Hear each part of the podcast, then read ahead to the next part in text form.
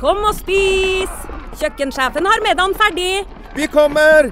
Vi skal bare Åh, det er da så morsomt her på Stiklestad! Ja, men sjøl en god viking må ha både mat og hvile.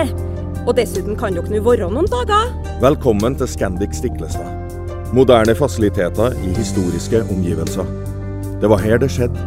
Det er her det skjer.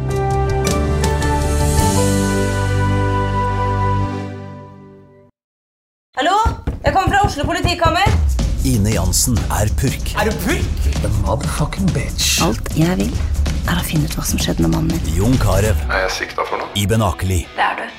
Ole So, Lars Berrum og Big Daddy Karsten. Hvem sin side er du på, egentlig? Anette Hoff, Tone Danielsen, Kommer du fra Afrika? Jørnis Josef, Nesten. Kløfta. Trond Espen Seim, Det er synd å si det, men det var feil mann som døde. Purk. Premiere tirsdag på TV2 Play.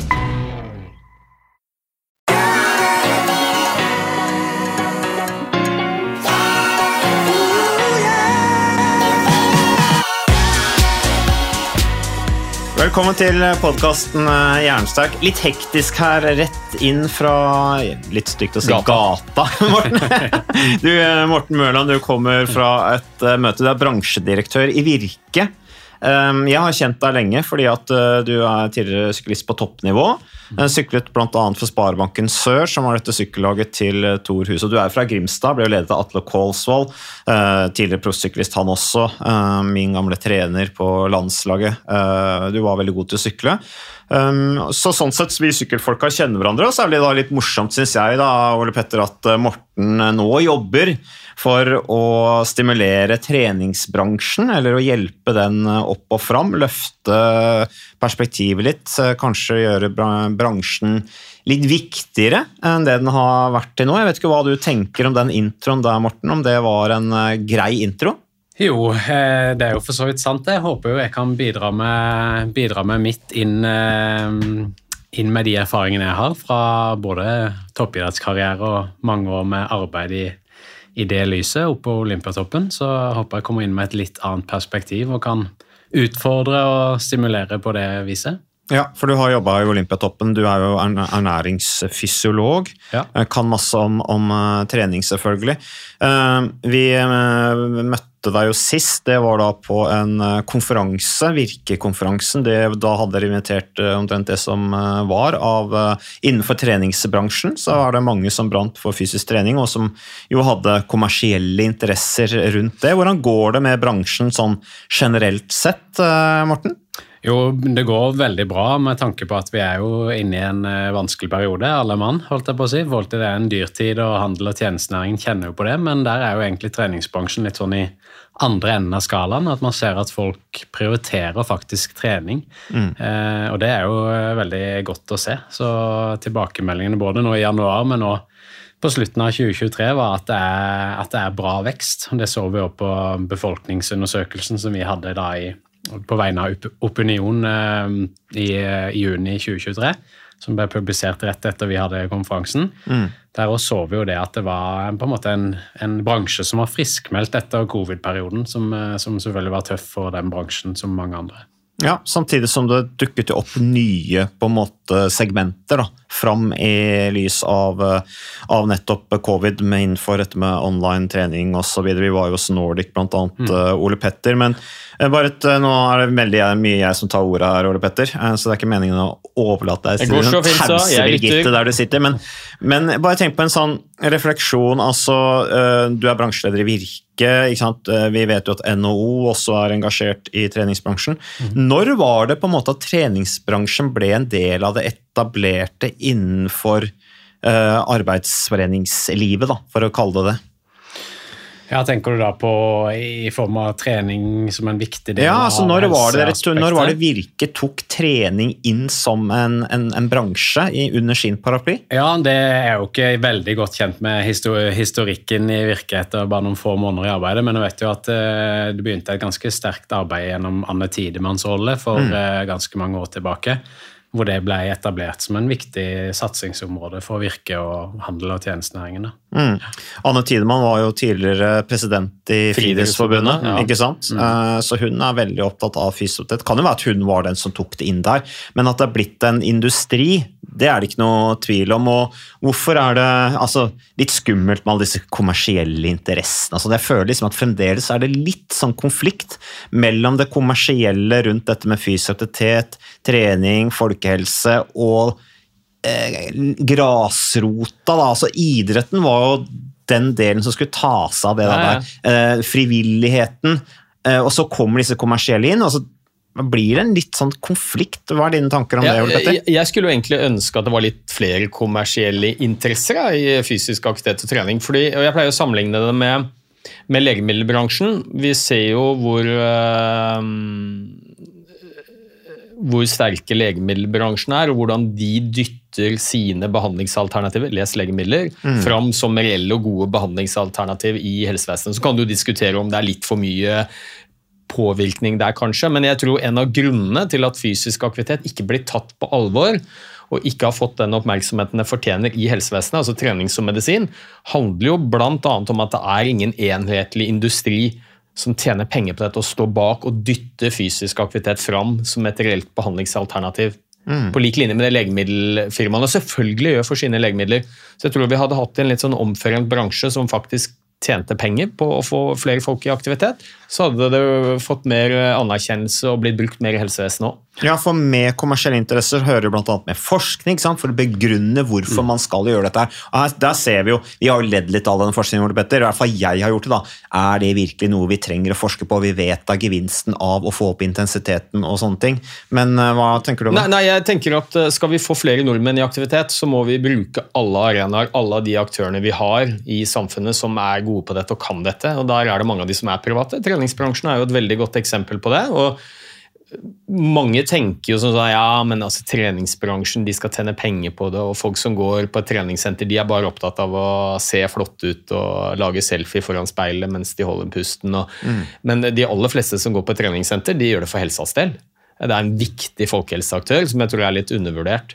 Mm. Så, så jeg jo, eh, spiller noen rolle om det er offentlig eller privat. Jeg, jeg mener bestemt at vi må bruke alle de eh, aktørene vi har for å kunne bidra til å få flere, få flere i aktivitet. Så jeg tenker Du er inne på noe veldig viktig der, for hva er egentlig en kommersiell aktør? Som du sier, Legemiddelbransjen, som ses på som en offentlig institusjon og en helseinstitusjon, og ikke en kommersiell aktør, det er jo i veldig stor grad som du sier, prega av kommersielle interesser, de òg, fra mange ulike vinkler. Mm. Eh, og da, som du sier, det ligger eksempel Treningsbransjen har en infrastruktur som ville på en måte komme folkehelsearbeidet til, Ja, til gode. Eh, men så ser vi jo annet i eh, utformingen av livsstilstaksten, da, hvor det står definert at det er til bruk til kommersielle aktører, type en frisklivssentral. Så de private er jo ikke inkludert inn som et tilbud overhodet. Og det er jo et viktig aspekt, tenker jeg, da, som man bør både diskutere høyt eh, på et politisk nivå, men òg hvor man vil som bransje. da. Ja, absolutt. Føler eh, det, altså den private delen av eh, treningsbransjen seg litt sånn motarbeidet, eller? For å sette det litt på spissen? Nei, jeg tror nok ikke de føler seg nødvendigvis motarbeida, men jeg tror nok det handler litt om at eh, veldig mange som ikke eller at det er veldig mange som ikke forstår egentlig hvordan de jobber. Og da er det veldig lett å bli kall bastant i påstander mot en bransje, fordi at du ikke egentlig vet hvordan hva slags kompetanse som sitter der. Blant for eksempel at det er veldig mye klinisk kompetanse på, på mange private treningssentre. Det sitter fysioterapeut, osteopater, Mm. kiropraktor og masse leger som sitter tilknyttet ulike treningssentre. Mm. Og det, når en hører en del uttalelser, i hvert fall i det politiske bildet, så går det veldig mye på at den kompetansen ikke er der. Men det er den i veldig stor grad. Og det tenker jeg handler kanskje vel så mye om å belyse det. Så det er nok der de føler seg kanskje litt sånn misforstått, eller i, til en viss grad. da. Ja, og Jeg snakker jo mye om dette. Nå er det jo en, eh, en prosess nå hvor man ser på nye mm, alternativer til dette med grønn resept. Mm. Hvor du skal eh, gi noen økonomiske incitamenter kanskje, og muligheter for fastlegene til å henvise pasienter som har økt risiko for sykdom, til veiledet fysisk aktivitet. Og, og da er det jo, altså Denne populasjonen som er målgruppen, er jo gigantisk. Det er jo, vi er liksom 70% av oss er inaktive, så her Mm. mangler det ikke på folk som du kan ta av. Uh, Så er det veldig sånn Ja, ja, men vi har jo en ordning for det, og det er jo frisklivssentralene. Uh, Og Frisklivssentraler jeg er veldig fan av de, men det er jo altfor få av dem. Og de er underdimensjonerte. De har nesten ikke årsverk. Og så sammenligner du frisklivssentralene med treningsbransjen. da. Både når det gjelder infrastruktur og kompetanse og antall mennesker. Det er jo to helt forskjellige ting. Så jeg skjønner ikke hvorfor skal vi bare henvise til frisklivssentralene. Nei, det- det da må du i ja. så fall, skulle du gjort det, så måtte du fått mange flere frisklivssentraler, gitt de uendelig mye mer penger. Det vil jo ikke politikerne og kommunene. eh, For det er jo det første stedet de kutter. Eh, Så hvorfor ikke bruke fasiliteten og kompetansen som finnes på treningssenteret? Ville det ikke vært mer gunstig for skattebetalerne om man egentlig subsidierte treningsbransjen med de samme folka som jobba i frisklivssentralene? At de heller jobba i treningssentrene som allerede var der, og ble, ble drevet med målsetting om å økonomisk gevinst? Jo, altså det, det er jo eh, Det ville jo vært på en måte en, en veldig god tanke. Samtidig så tror jeg så er det jo veldig mange Det er jo kanskje ikke så mange som vet, men det er ekstremt mange treningssentre der ute som har masse gode ute i distriktene, blant annet, som har masse gode samarbeid med frisklivssentraler i dag. Mm. Så det er på en måte det et utfyllende tilbud, det er ikke konkurranse. Nei. Det handler egentlig om å utnytte ressursene godt. og sånn som En frisklivssentral har stort sett en åpningstid til kanskje tre-fire eh, når folk er ferdig på jobb, eh, og du har også ikke lov å være der lenger enn tre måneder av gangen. Så det er en del ting som gjør, gjør at man må ha noe mer. Eh, og ikke minst så infrastrukturen, at det er veldig få av de rundt forbi kommunen, og flere og flere legges ned. Da. Så det er en kjempeutfordring, og som viser at vi er nødt til å på en måte på et eller annet vis, siden man ikke har mange milliarder man kan putte på ekstra i et helsebudsjett og, og si, ruste opp de her frisklivssentralene, så må man jo se på muligheter for å samspille og utnytte ressursene enda bedre. Første friskesentralen startet i 1996 i Modum kommune i Norge. Um, Ole Petter, hva tenker du om, uh, om samspillet mellom det private og det offentlige, da RF, eh, og uh, da treningsbransjen, som eh, er lidenskapelig opptatt av trening, kanskje har noen lokaler eh, tilgjengelig som de kan installere treningsrom. Um, hva tenker du om det? Hva er, hva er veien å gå der? Nei, jeg tenker akkurat som Morten at eh, veien må jo være samarbeid. Vi, vi har jo akkurat de samme målsettingene, det er å hjelpe folk med bedre helse eh, ved hjelp av fysisk aktivitet. Og om du er en frisklivssentral eller treningssenter, vi har samme, samme mål. Og, og bli tullete at vi skal sitte på hver vår tue og, og iallfall tenke på hverandre som konkurrenter. For det er vi nå i hvert fall ikke. Altså, det er jo, eh, tenk deg da, 70% av Norges befolkning er definert som inaktive. Det er målgruppa vår. Uh, og det er jo ikke, Om du også hadde hatt 1000 ganger flere frisklivssentraler enn du hadde i dag, så ville ikke det vært nok det heller. Nei, så er det jo poenget at Noen vil jo eh, absolutt ikke sette sin fot, eh, fot innenfor en frisklivssentral, og eller, eller på den andre sida ikke på et treningssenter. Ja, ja. Mm. Eller ikke på noen av de i det hele tatt, og kanskje vil gå en tur med en gjeng. ikke sant? Så det er snakk om å liksom, Alle har ikke det samme behovet, og man på en måte må anerkjenne det at det er ulike behov. og For å fange da flest mulig, om det er fysisk eller psykisk uhelse, så må man jo tørre å se litt større på det, tenker jeg. Ja, det, det tror jeg er viktig. Altså, vi må bruke alle de arenaene vi har, om det er en frisklivssentral, et treningssenter, eh, en gågruppe lokalt, eh, tilbud for eldre på den lokale skolen. Altså, spiller ingen rolle. Du må, og det er jo litt sånn i lys av den debatten vi har sett på NRK. Eh, alle har ikke lyst til å løpe fire ganger fire intervall på mølle. Det er helt topp det hvis alle i Norge hadde gjort det, men det får vi aldri til å skje. Så vi må jo lage tilbud som, folk, eh, som treffer folk, og vi er veldig forskjellige alle sammen. Så vi må bruke alle arenaer vi har. Ja.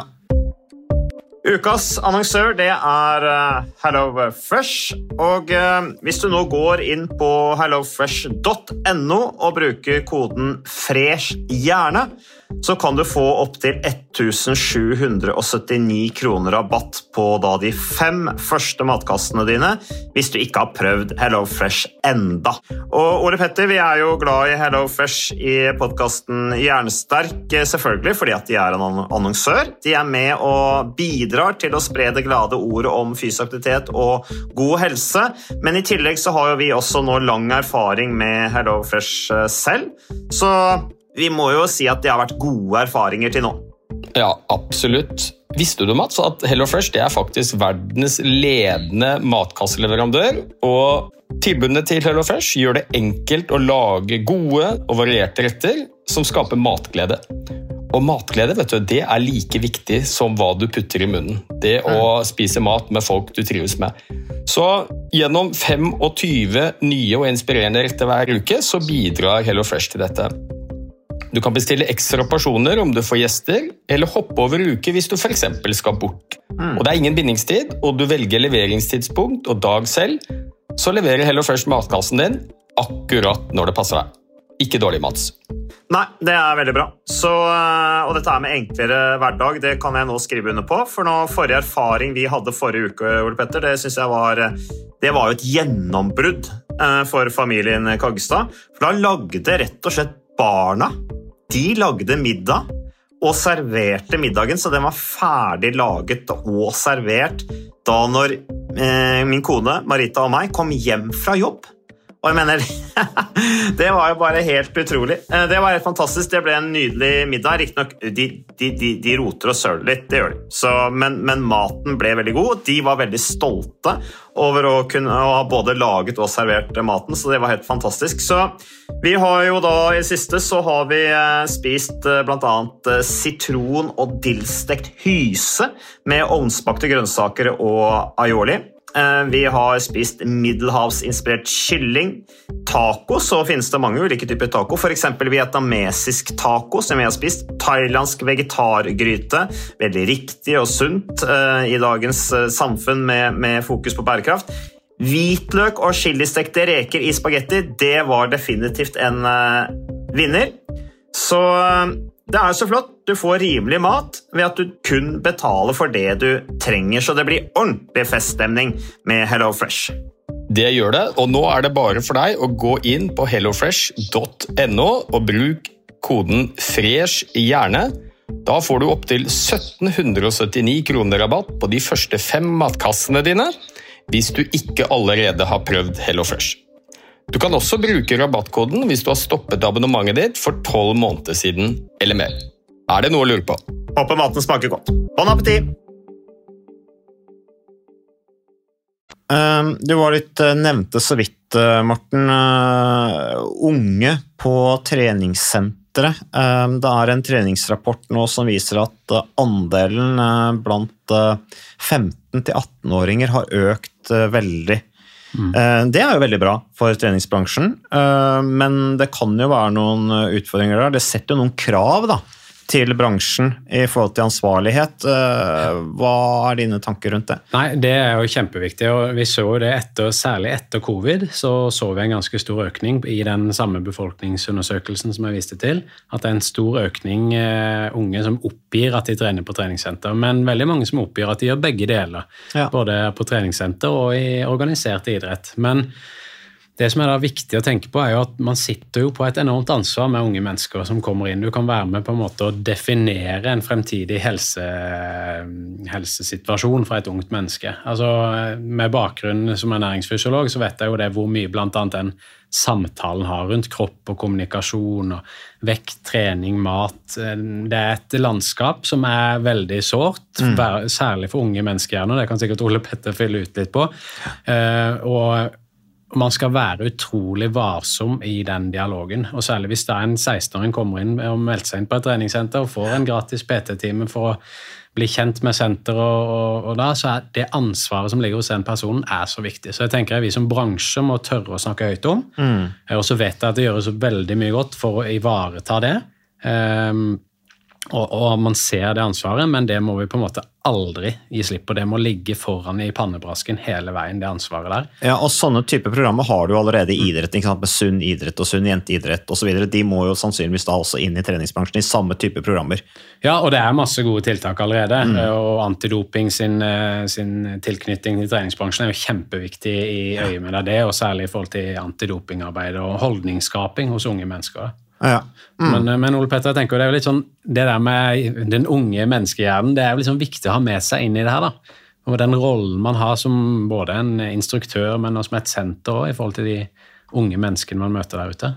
Ja, definitivt. Og det er jo, sånn, det er jo en hjerne under konstruksjon. Eh, og det gjør jo også at man blir ekstremt påvirkbar, da, på godt og vondt. ikke sant? Så mm. det, det å være, ha gode verdier og være gode rollemodeller, det er jo det er selvfølgelig viktig for alle. Men ja. uh, og Vi hadde en episode nå ganske nylig hvor vi snakket om TikTok.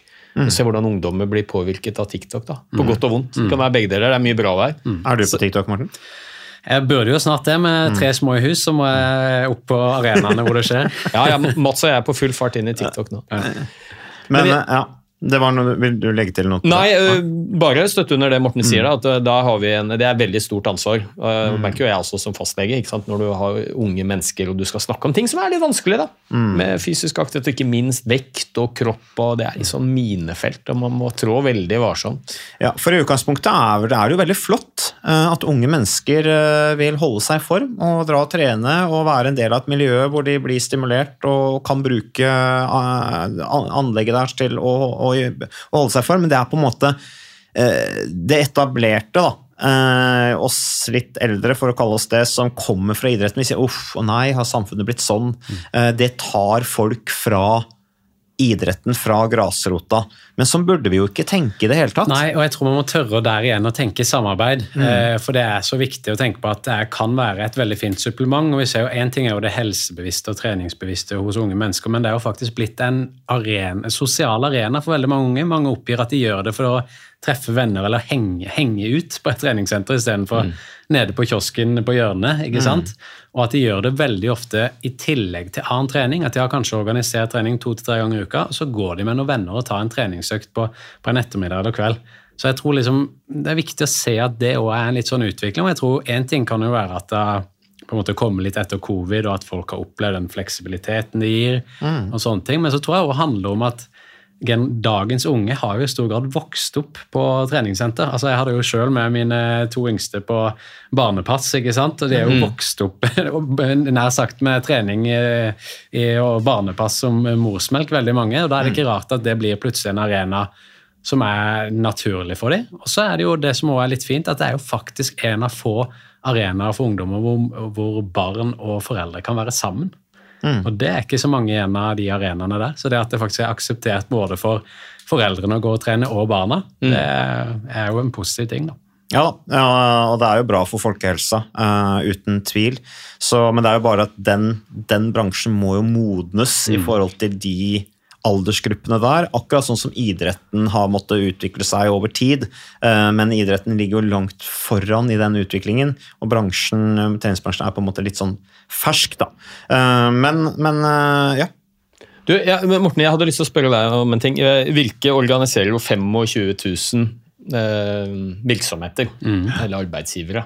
Mm. Hva tenker du er det viktigste man kan gjøre for å kanskje bruke arbeidsplassen mer som en folkehelsearena? Altså vi bruker jo en tredjedel av tiden vår der, og vi blir mm. fort påvirket av menneskene rundt oss hva kan vi gjøre for å stimulere til helsefremmende atferd? Om det er kosthold eller fysisk aktivitet eller ja. en kombinasjon på arbeidsplassen? Nei, Der har vi bl.a. sendt inn et uh, forslag til altså Det blir jo statsbudsjettet 2025 da, som vi allerede har gått inn forslag på nå. og Der har vi jo bl.a. fremma det med skattefritak på arbeidsfinansiert trening, da, som vi mener kan være et veldig godt insentiv for arbeidsplasser til å stimulere til trening eller mm. dekke opp på trening. da. Eh, men jeg tenker jo, jeg er helt enig med deg, arbeidsplassene har jo en viktig rolle for å tilrettelegge godt. Og mm. det blir en større bevissthet rundt det. Men vi ser jo at det stadig er mange som har mye å, å gå på der. Ja, jeg ser jo Helsedirektoratet gjør noen framstøt etter smart mosjon i arbeidslivet. Kjenner du kanskje mm til. Kjenner du til det, Mats? Ja, jeg kjenner til det. Ja. Uh, og det er jo veldig flott. Det er jo en slags veiledning. Uh, så, men det er jo et stykke derfra til det å følge opp. da. Ja. Uh, og det er, det, det er, jo det, man trenger. Og så ikke minst dette her å dokumentere resultater, som jeg har jobba mye med i næringslivet. Dette er faktisk dokumentere at man får med majoriteten av de ansatte til å mosjonere. Én mm. ting er å si ja, ja, vi har noe treningsopplegg, men det hjelper jo ikke det hvis det er ti av 1000 som er med på det. Eh, så, og, og, og, jeg er veldig opptatt av det med kulturbygging i, i arbeidslivet, og at det stimulerer. Uh, særlig i forhold til med mulighetene som er der rundt bærekraft. Da. Mm. Nå bl.a. utjevning av forskjeller. For Der ser man jo at det er store forskjeller på øst og vest bare her lokalt i Oslo. Uh, og det gjør jo igjen at uh, arbeidsplassen kan være med å utjevne de forskjellene ved å øke bevisstheten, stimulere til fysioterapeut som igjen, altså Det som er bra for, for helsa, er jo veldig bra for hver enkelt personlig, men gir også veldig tilbake igjen til samfunnet. Så er man ute og trimmer, så driver man forebyggende helsearbeid på seg selv og handler lokalt og tenker globalt. Det er litt sånn jeg sier. Hvis, eh, man drar ikke ut og trener, man drar ut og driver forebyggende helsearbeid på seg selv. Men eh, Morten, eh, du var inne på dette med eh, resept på trening, grønn resept, Ole Petter. Mm. Har du noe dialog med lege, Legeforeningen, eller Ja, altså vi har prøvd å å, bruke det Siden jeg kom inn nå i de få månedene jeg har vært der, så er det jo litt å kartlegge hva som skjer. og Det første når jeg kom utenifra, da, så det første som på en måte overraska meg litt, var jo for det første at begrepet grønn resept, aktivitetsmedisin, sånn, brukes litt sånn om en annen. Mm. Og Som Ole Petter har fortalt før, så er jo den grønn jo faktisk skrinlagt eh, og erstatta med livsstilstaksten, er ikke det den heter? Um, så den, nå er det jo snakk om på en måte å se på nye modeller for en ny bruk av grønn resept, ikke sant? Eh, som vi venter på, eh, på holdt jeg på å tilsvar på, som det ble nevnt i statsbudsjettet 24 at Helse- og omsorgsdepartementet skulle komme tilbake til det i denne den her nasjonale helse- og samhandlingsplanen. Da. Så nå er vi veldig spent og har store forventninger selvfølgelig til hva, hva de vil komme med der. Mm. Men så tror jeg det er viktig å, å være litt sånn obs på hva er det? Altså Hvor vil bransjen, og hvordan vil man bruke det? Altså Det er jo som det har blitt nevnt her før, snakkes mye om er det nok penger, helsebudsjettet er sprengt osv. Og så kan vi snakke om at man ønsker å forebygge, men til syvende og sist tør man egentlig det. For hva skjer hvis du forebygger mer? Da blir det mindre på behandlingssida. Da flytter du penger fra et sted til et annet. Det er realiteten. Og da begynner det å komme inn en del interesse på et eller annet tidspunkt som er ganske spennende. Og det er liksom alle snakk... Eller alle vil forebygge, men hvis alle virkelig vil det, så tror jeg det har vært mulig å finne noen løsninger. Det burde være mulig å finne noe å bruke pengene Ja, på. men, og, men vi er jo i en relativt heldig situasjon i Norge. da. Hvis vi sammenligner oss med andre land, f.eks. USA, så er det, finnes det jo ikke et incitament i verden til å forebygge. Fordi alt baserer seg der på at pasientene er kunder. Klienter til forsikringsselskapene, til sykehusene, til legene. Alle skal ha betalt. Du får betalt for hver pasient du har. Og hva gjør du hvis folk blir friskere fordi det forebygges mer? Du mister kundegrunnlaget ditt. Og der er vi jo ikke helt i Norge. Så jeg er jo til viss grad enig med deg, Morten, men også så ser vi at de milliardene du putter inn i forebygging, de vil jo betale seg tilbake, og det vet vi ganske godt, med kanskje en faktor på 10-14-20. Så du får jo tilbake mangedoblet av det du investerer, riktignok over litt tid. da. Så jeg vil jo nesten snu på det og si at det er økonomisk liksom vanskjøtsel å la være å forebygge. Fordi at du eh, påfører deg ganske mange ekstra Det er liksom å pisse i buksa for å holde deg varm. Du, du, du påløper mange ekstrakostnader fordi du må reparere alle disse sykdommene som du kunne ha forebygget. Så, og, og det er jo mulig. Jeg tenker at vi, vi trenger noe, noen som er litt visjonære og handlekraftige. Sånn, eh, det er jo et godt eksempel, syns jeg, det er røykeloven. Og herregud, så mye motstand den møtte. Eh, Dagfinn Høybråten, den siste delen av røykeloven, hvor det ble ulovlig å røyke på utesteder. Han fikk jo dødstrusler. Um, eller drapstrusler, heter det vel kanskje. Og det var jo ingen som Bransjen ble jo spådd uh, nedenom og hjem, ikke sant? utelivsbransjen. Ingen ville gå ut lenger. Men det skjedde jo ikke det. Det har vært eh, fantastisk gevinst på folkehelsa til en relativt lav kostnad. Eh, Og det tror jeg mange andre folkehelse, altså forebyggende tiltak som med fysisk aktivitet i skolen f.eks. ville vært en kjempegod investering. Ja, ja, og det er ingen tvil om det, og det er jo derfor det skulle komme til, at det er jo derfor vi har innleda dialog både med Legeforening og Fysioterapiforbund og andre forbund for å starte denne dialogen. For jeg tror en viktig ting er jo hva vil treningsbransjen? Vi kan jo på en måte definere og lage så mange gode ting man vil, eh, og gode tiltak man vil, eh, for å komme i en posisjon. Eh, Men samtidig så er vi nødt til å ha med et større lag. For det at treningsbransjen er liten sånn i, det store bildet, og skal vi ha politisk gjennomslagskraft, så trenger vi å stå sammen. og du var inne på det i stad, og ikke stå på hver sin tue. Det var litt det inntrykket jeg hadde når jeg kom inn i denne bransjen, at veldig, veldig, veldig mange har jobber mot akkurat det samme, og står litt på hver sin tur. Det er knalla konkurranse. ja, og roper om det samme, men hvis man da tør å liksom i enda større grad gå litt ned fra de her tuene og samles ned på, ned på åkeren der sammen, så tror jeg man kan få gjennomslagskraft. Men det handler litt om å da kunne vise, og sånn politisk sett, at vi er faktisk så mange som legger press nå. Og, det, og, og, og bare kort innpå der mener jeg man har litt å lære av legemiddelbransjen. De står jo fram som en enhetlig Det er mange forskjellige firmaer som driver med legemidler, og de er jo konkurrenter, men de står mye mer sammen. eh, enn det um, vi som jobber med fysiske aktiviteter. Der er det mye mer sånn uh, konkurranse og det vi kaller pissing contest, hvor folk uh, krangler om detaljer. og noe, liksom. Denne debatten er jo en viktig, tenker jeg, en viktig del av det også. Altså, skal vi drive og krangle og slåss om hvilken treningsform som er aller best. Det er jo ikke det som er problemet i Norge, at folk trener feil. Det er jo det at vi beveger oss ikke. Vi må heller stå sammen og gi løsninger til folk flest, ikke bare slåss om hva som er det beste treningsformen. Ja, og det, og det var noe av det første jeg tenkte når jeg kom ned fra toppidretten og inn i, i denne bransjen. her, var jo litt, Det var noe som på en måte var sånn inneprenta i toppidrettskulturen. og det der at man blir aldri bedre enn det du legger inn i laget. Altså, ikke sant? Når du har eh, si, et langrennslandslag da, hvor potensielt eh, hele laget kan ta en OL-medalje, men så er det bare fire som blir tatt ut og får gå. Og, Mm. Så må du allikevel tørre å åpne og gi, samtidig som du egentlig er bitre konkurrenter, for alle vil stille på startstreken. Og det er litt sånn at du må tørre å gi for at totalen, eller at man alle hver enkelt skal bli bedre. Og det er en sånn viktig ting å ta med seg, tror jeg. At, eh, så det er en sånn oppfordring til alle å tørre å gi litt mer eh, av seg sjøl i, i kommunikasjonen og diskusjoner. Det tror jeg kan føre langt. Mm. Det er en uh, bransje i uh, utvikling. Det viser jo den uh, praten her nå, at bransjeorganisasjonen Virke også har et ordentlig fot med i, eh, i eh, fremtiden til eh, treningsbransjen, eller forebyggingsbransjen, som jeg kalte det innledningsvis. Takk for at du ville komme, bransjeleder Morten Mørland i Virke. Vi kommer helt sikkert til å snakkes mer. Du er blitt en, en viktig aktør i bransjen. Takk til deg, Ole Petter. Takk til Moderne Media. Takk til lytterne våre og samarbeidspartnere. Vi er tilbake med mer podkasten Jernsterk neste uke.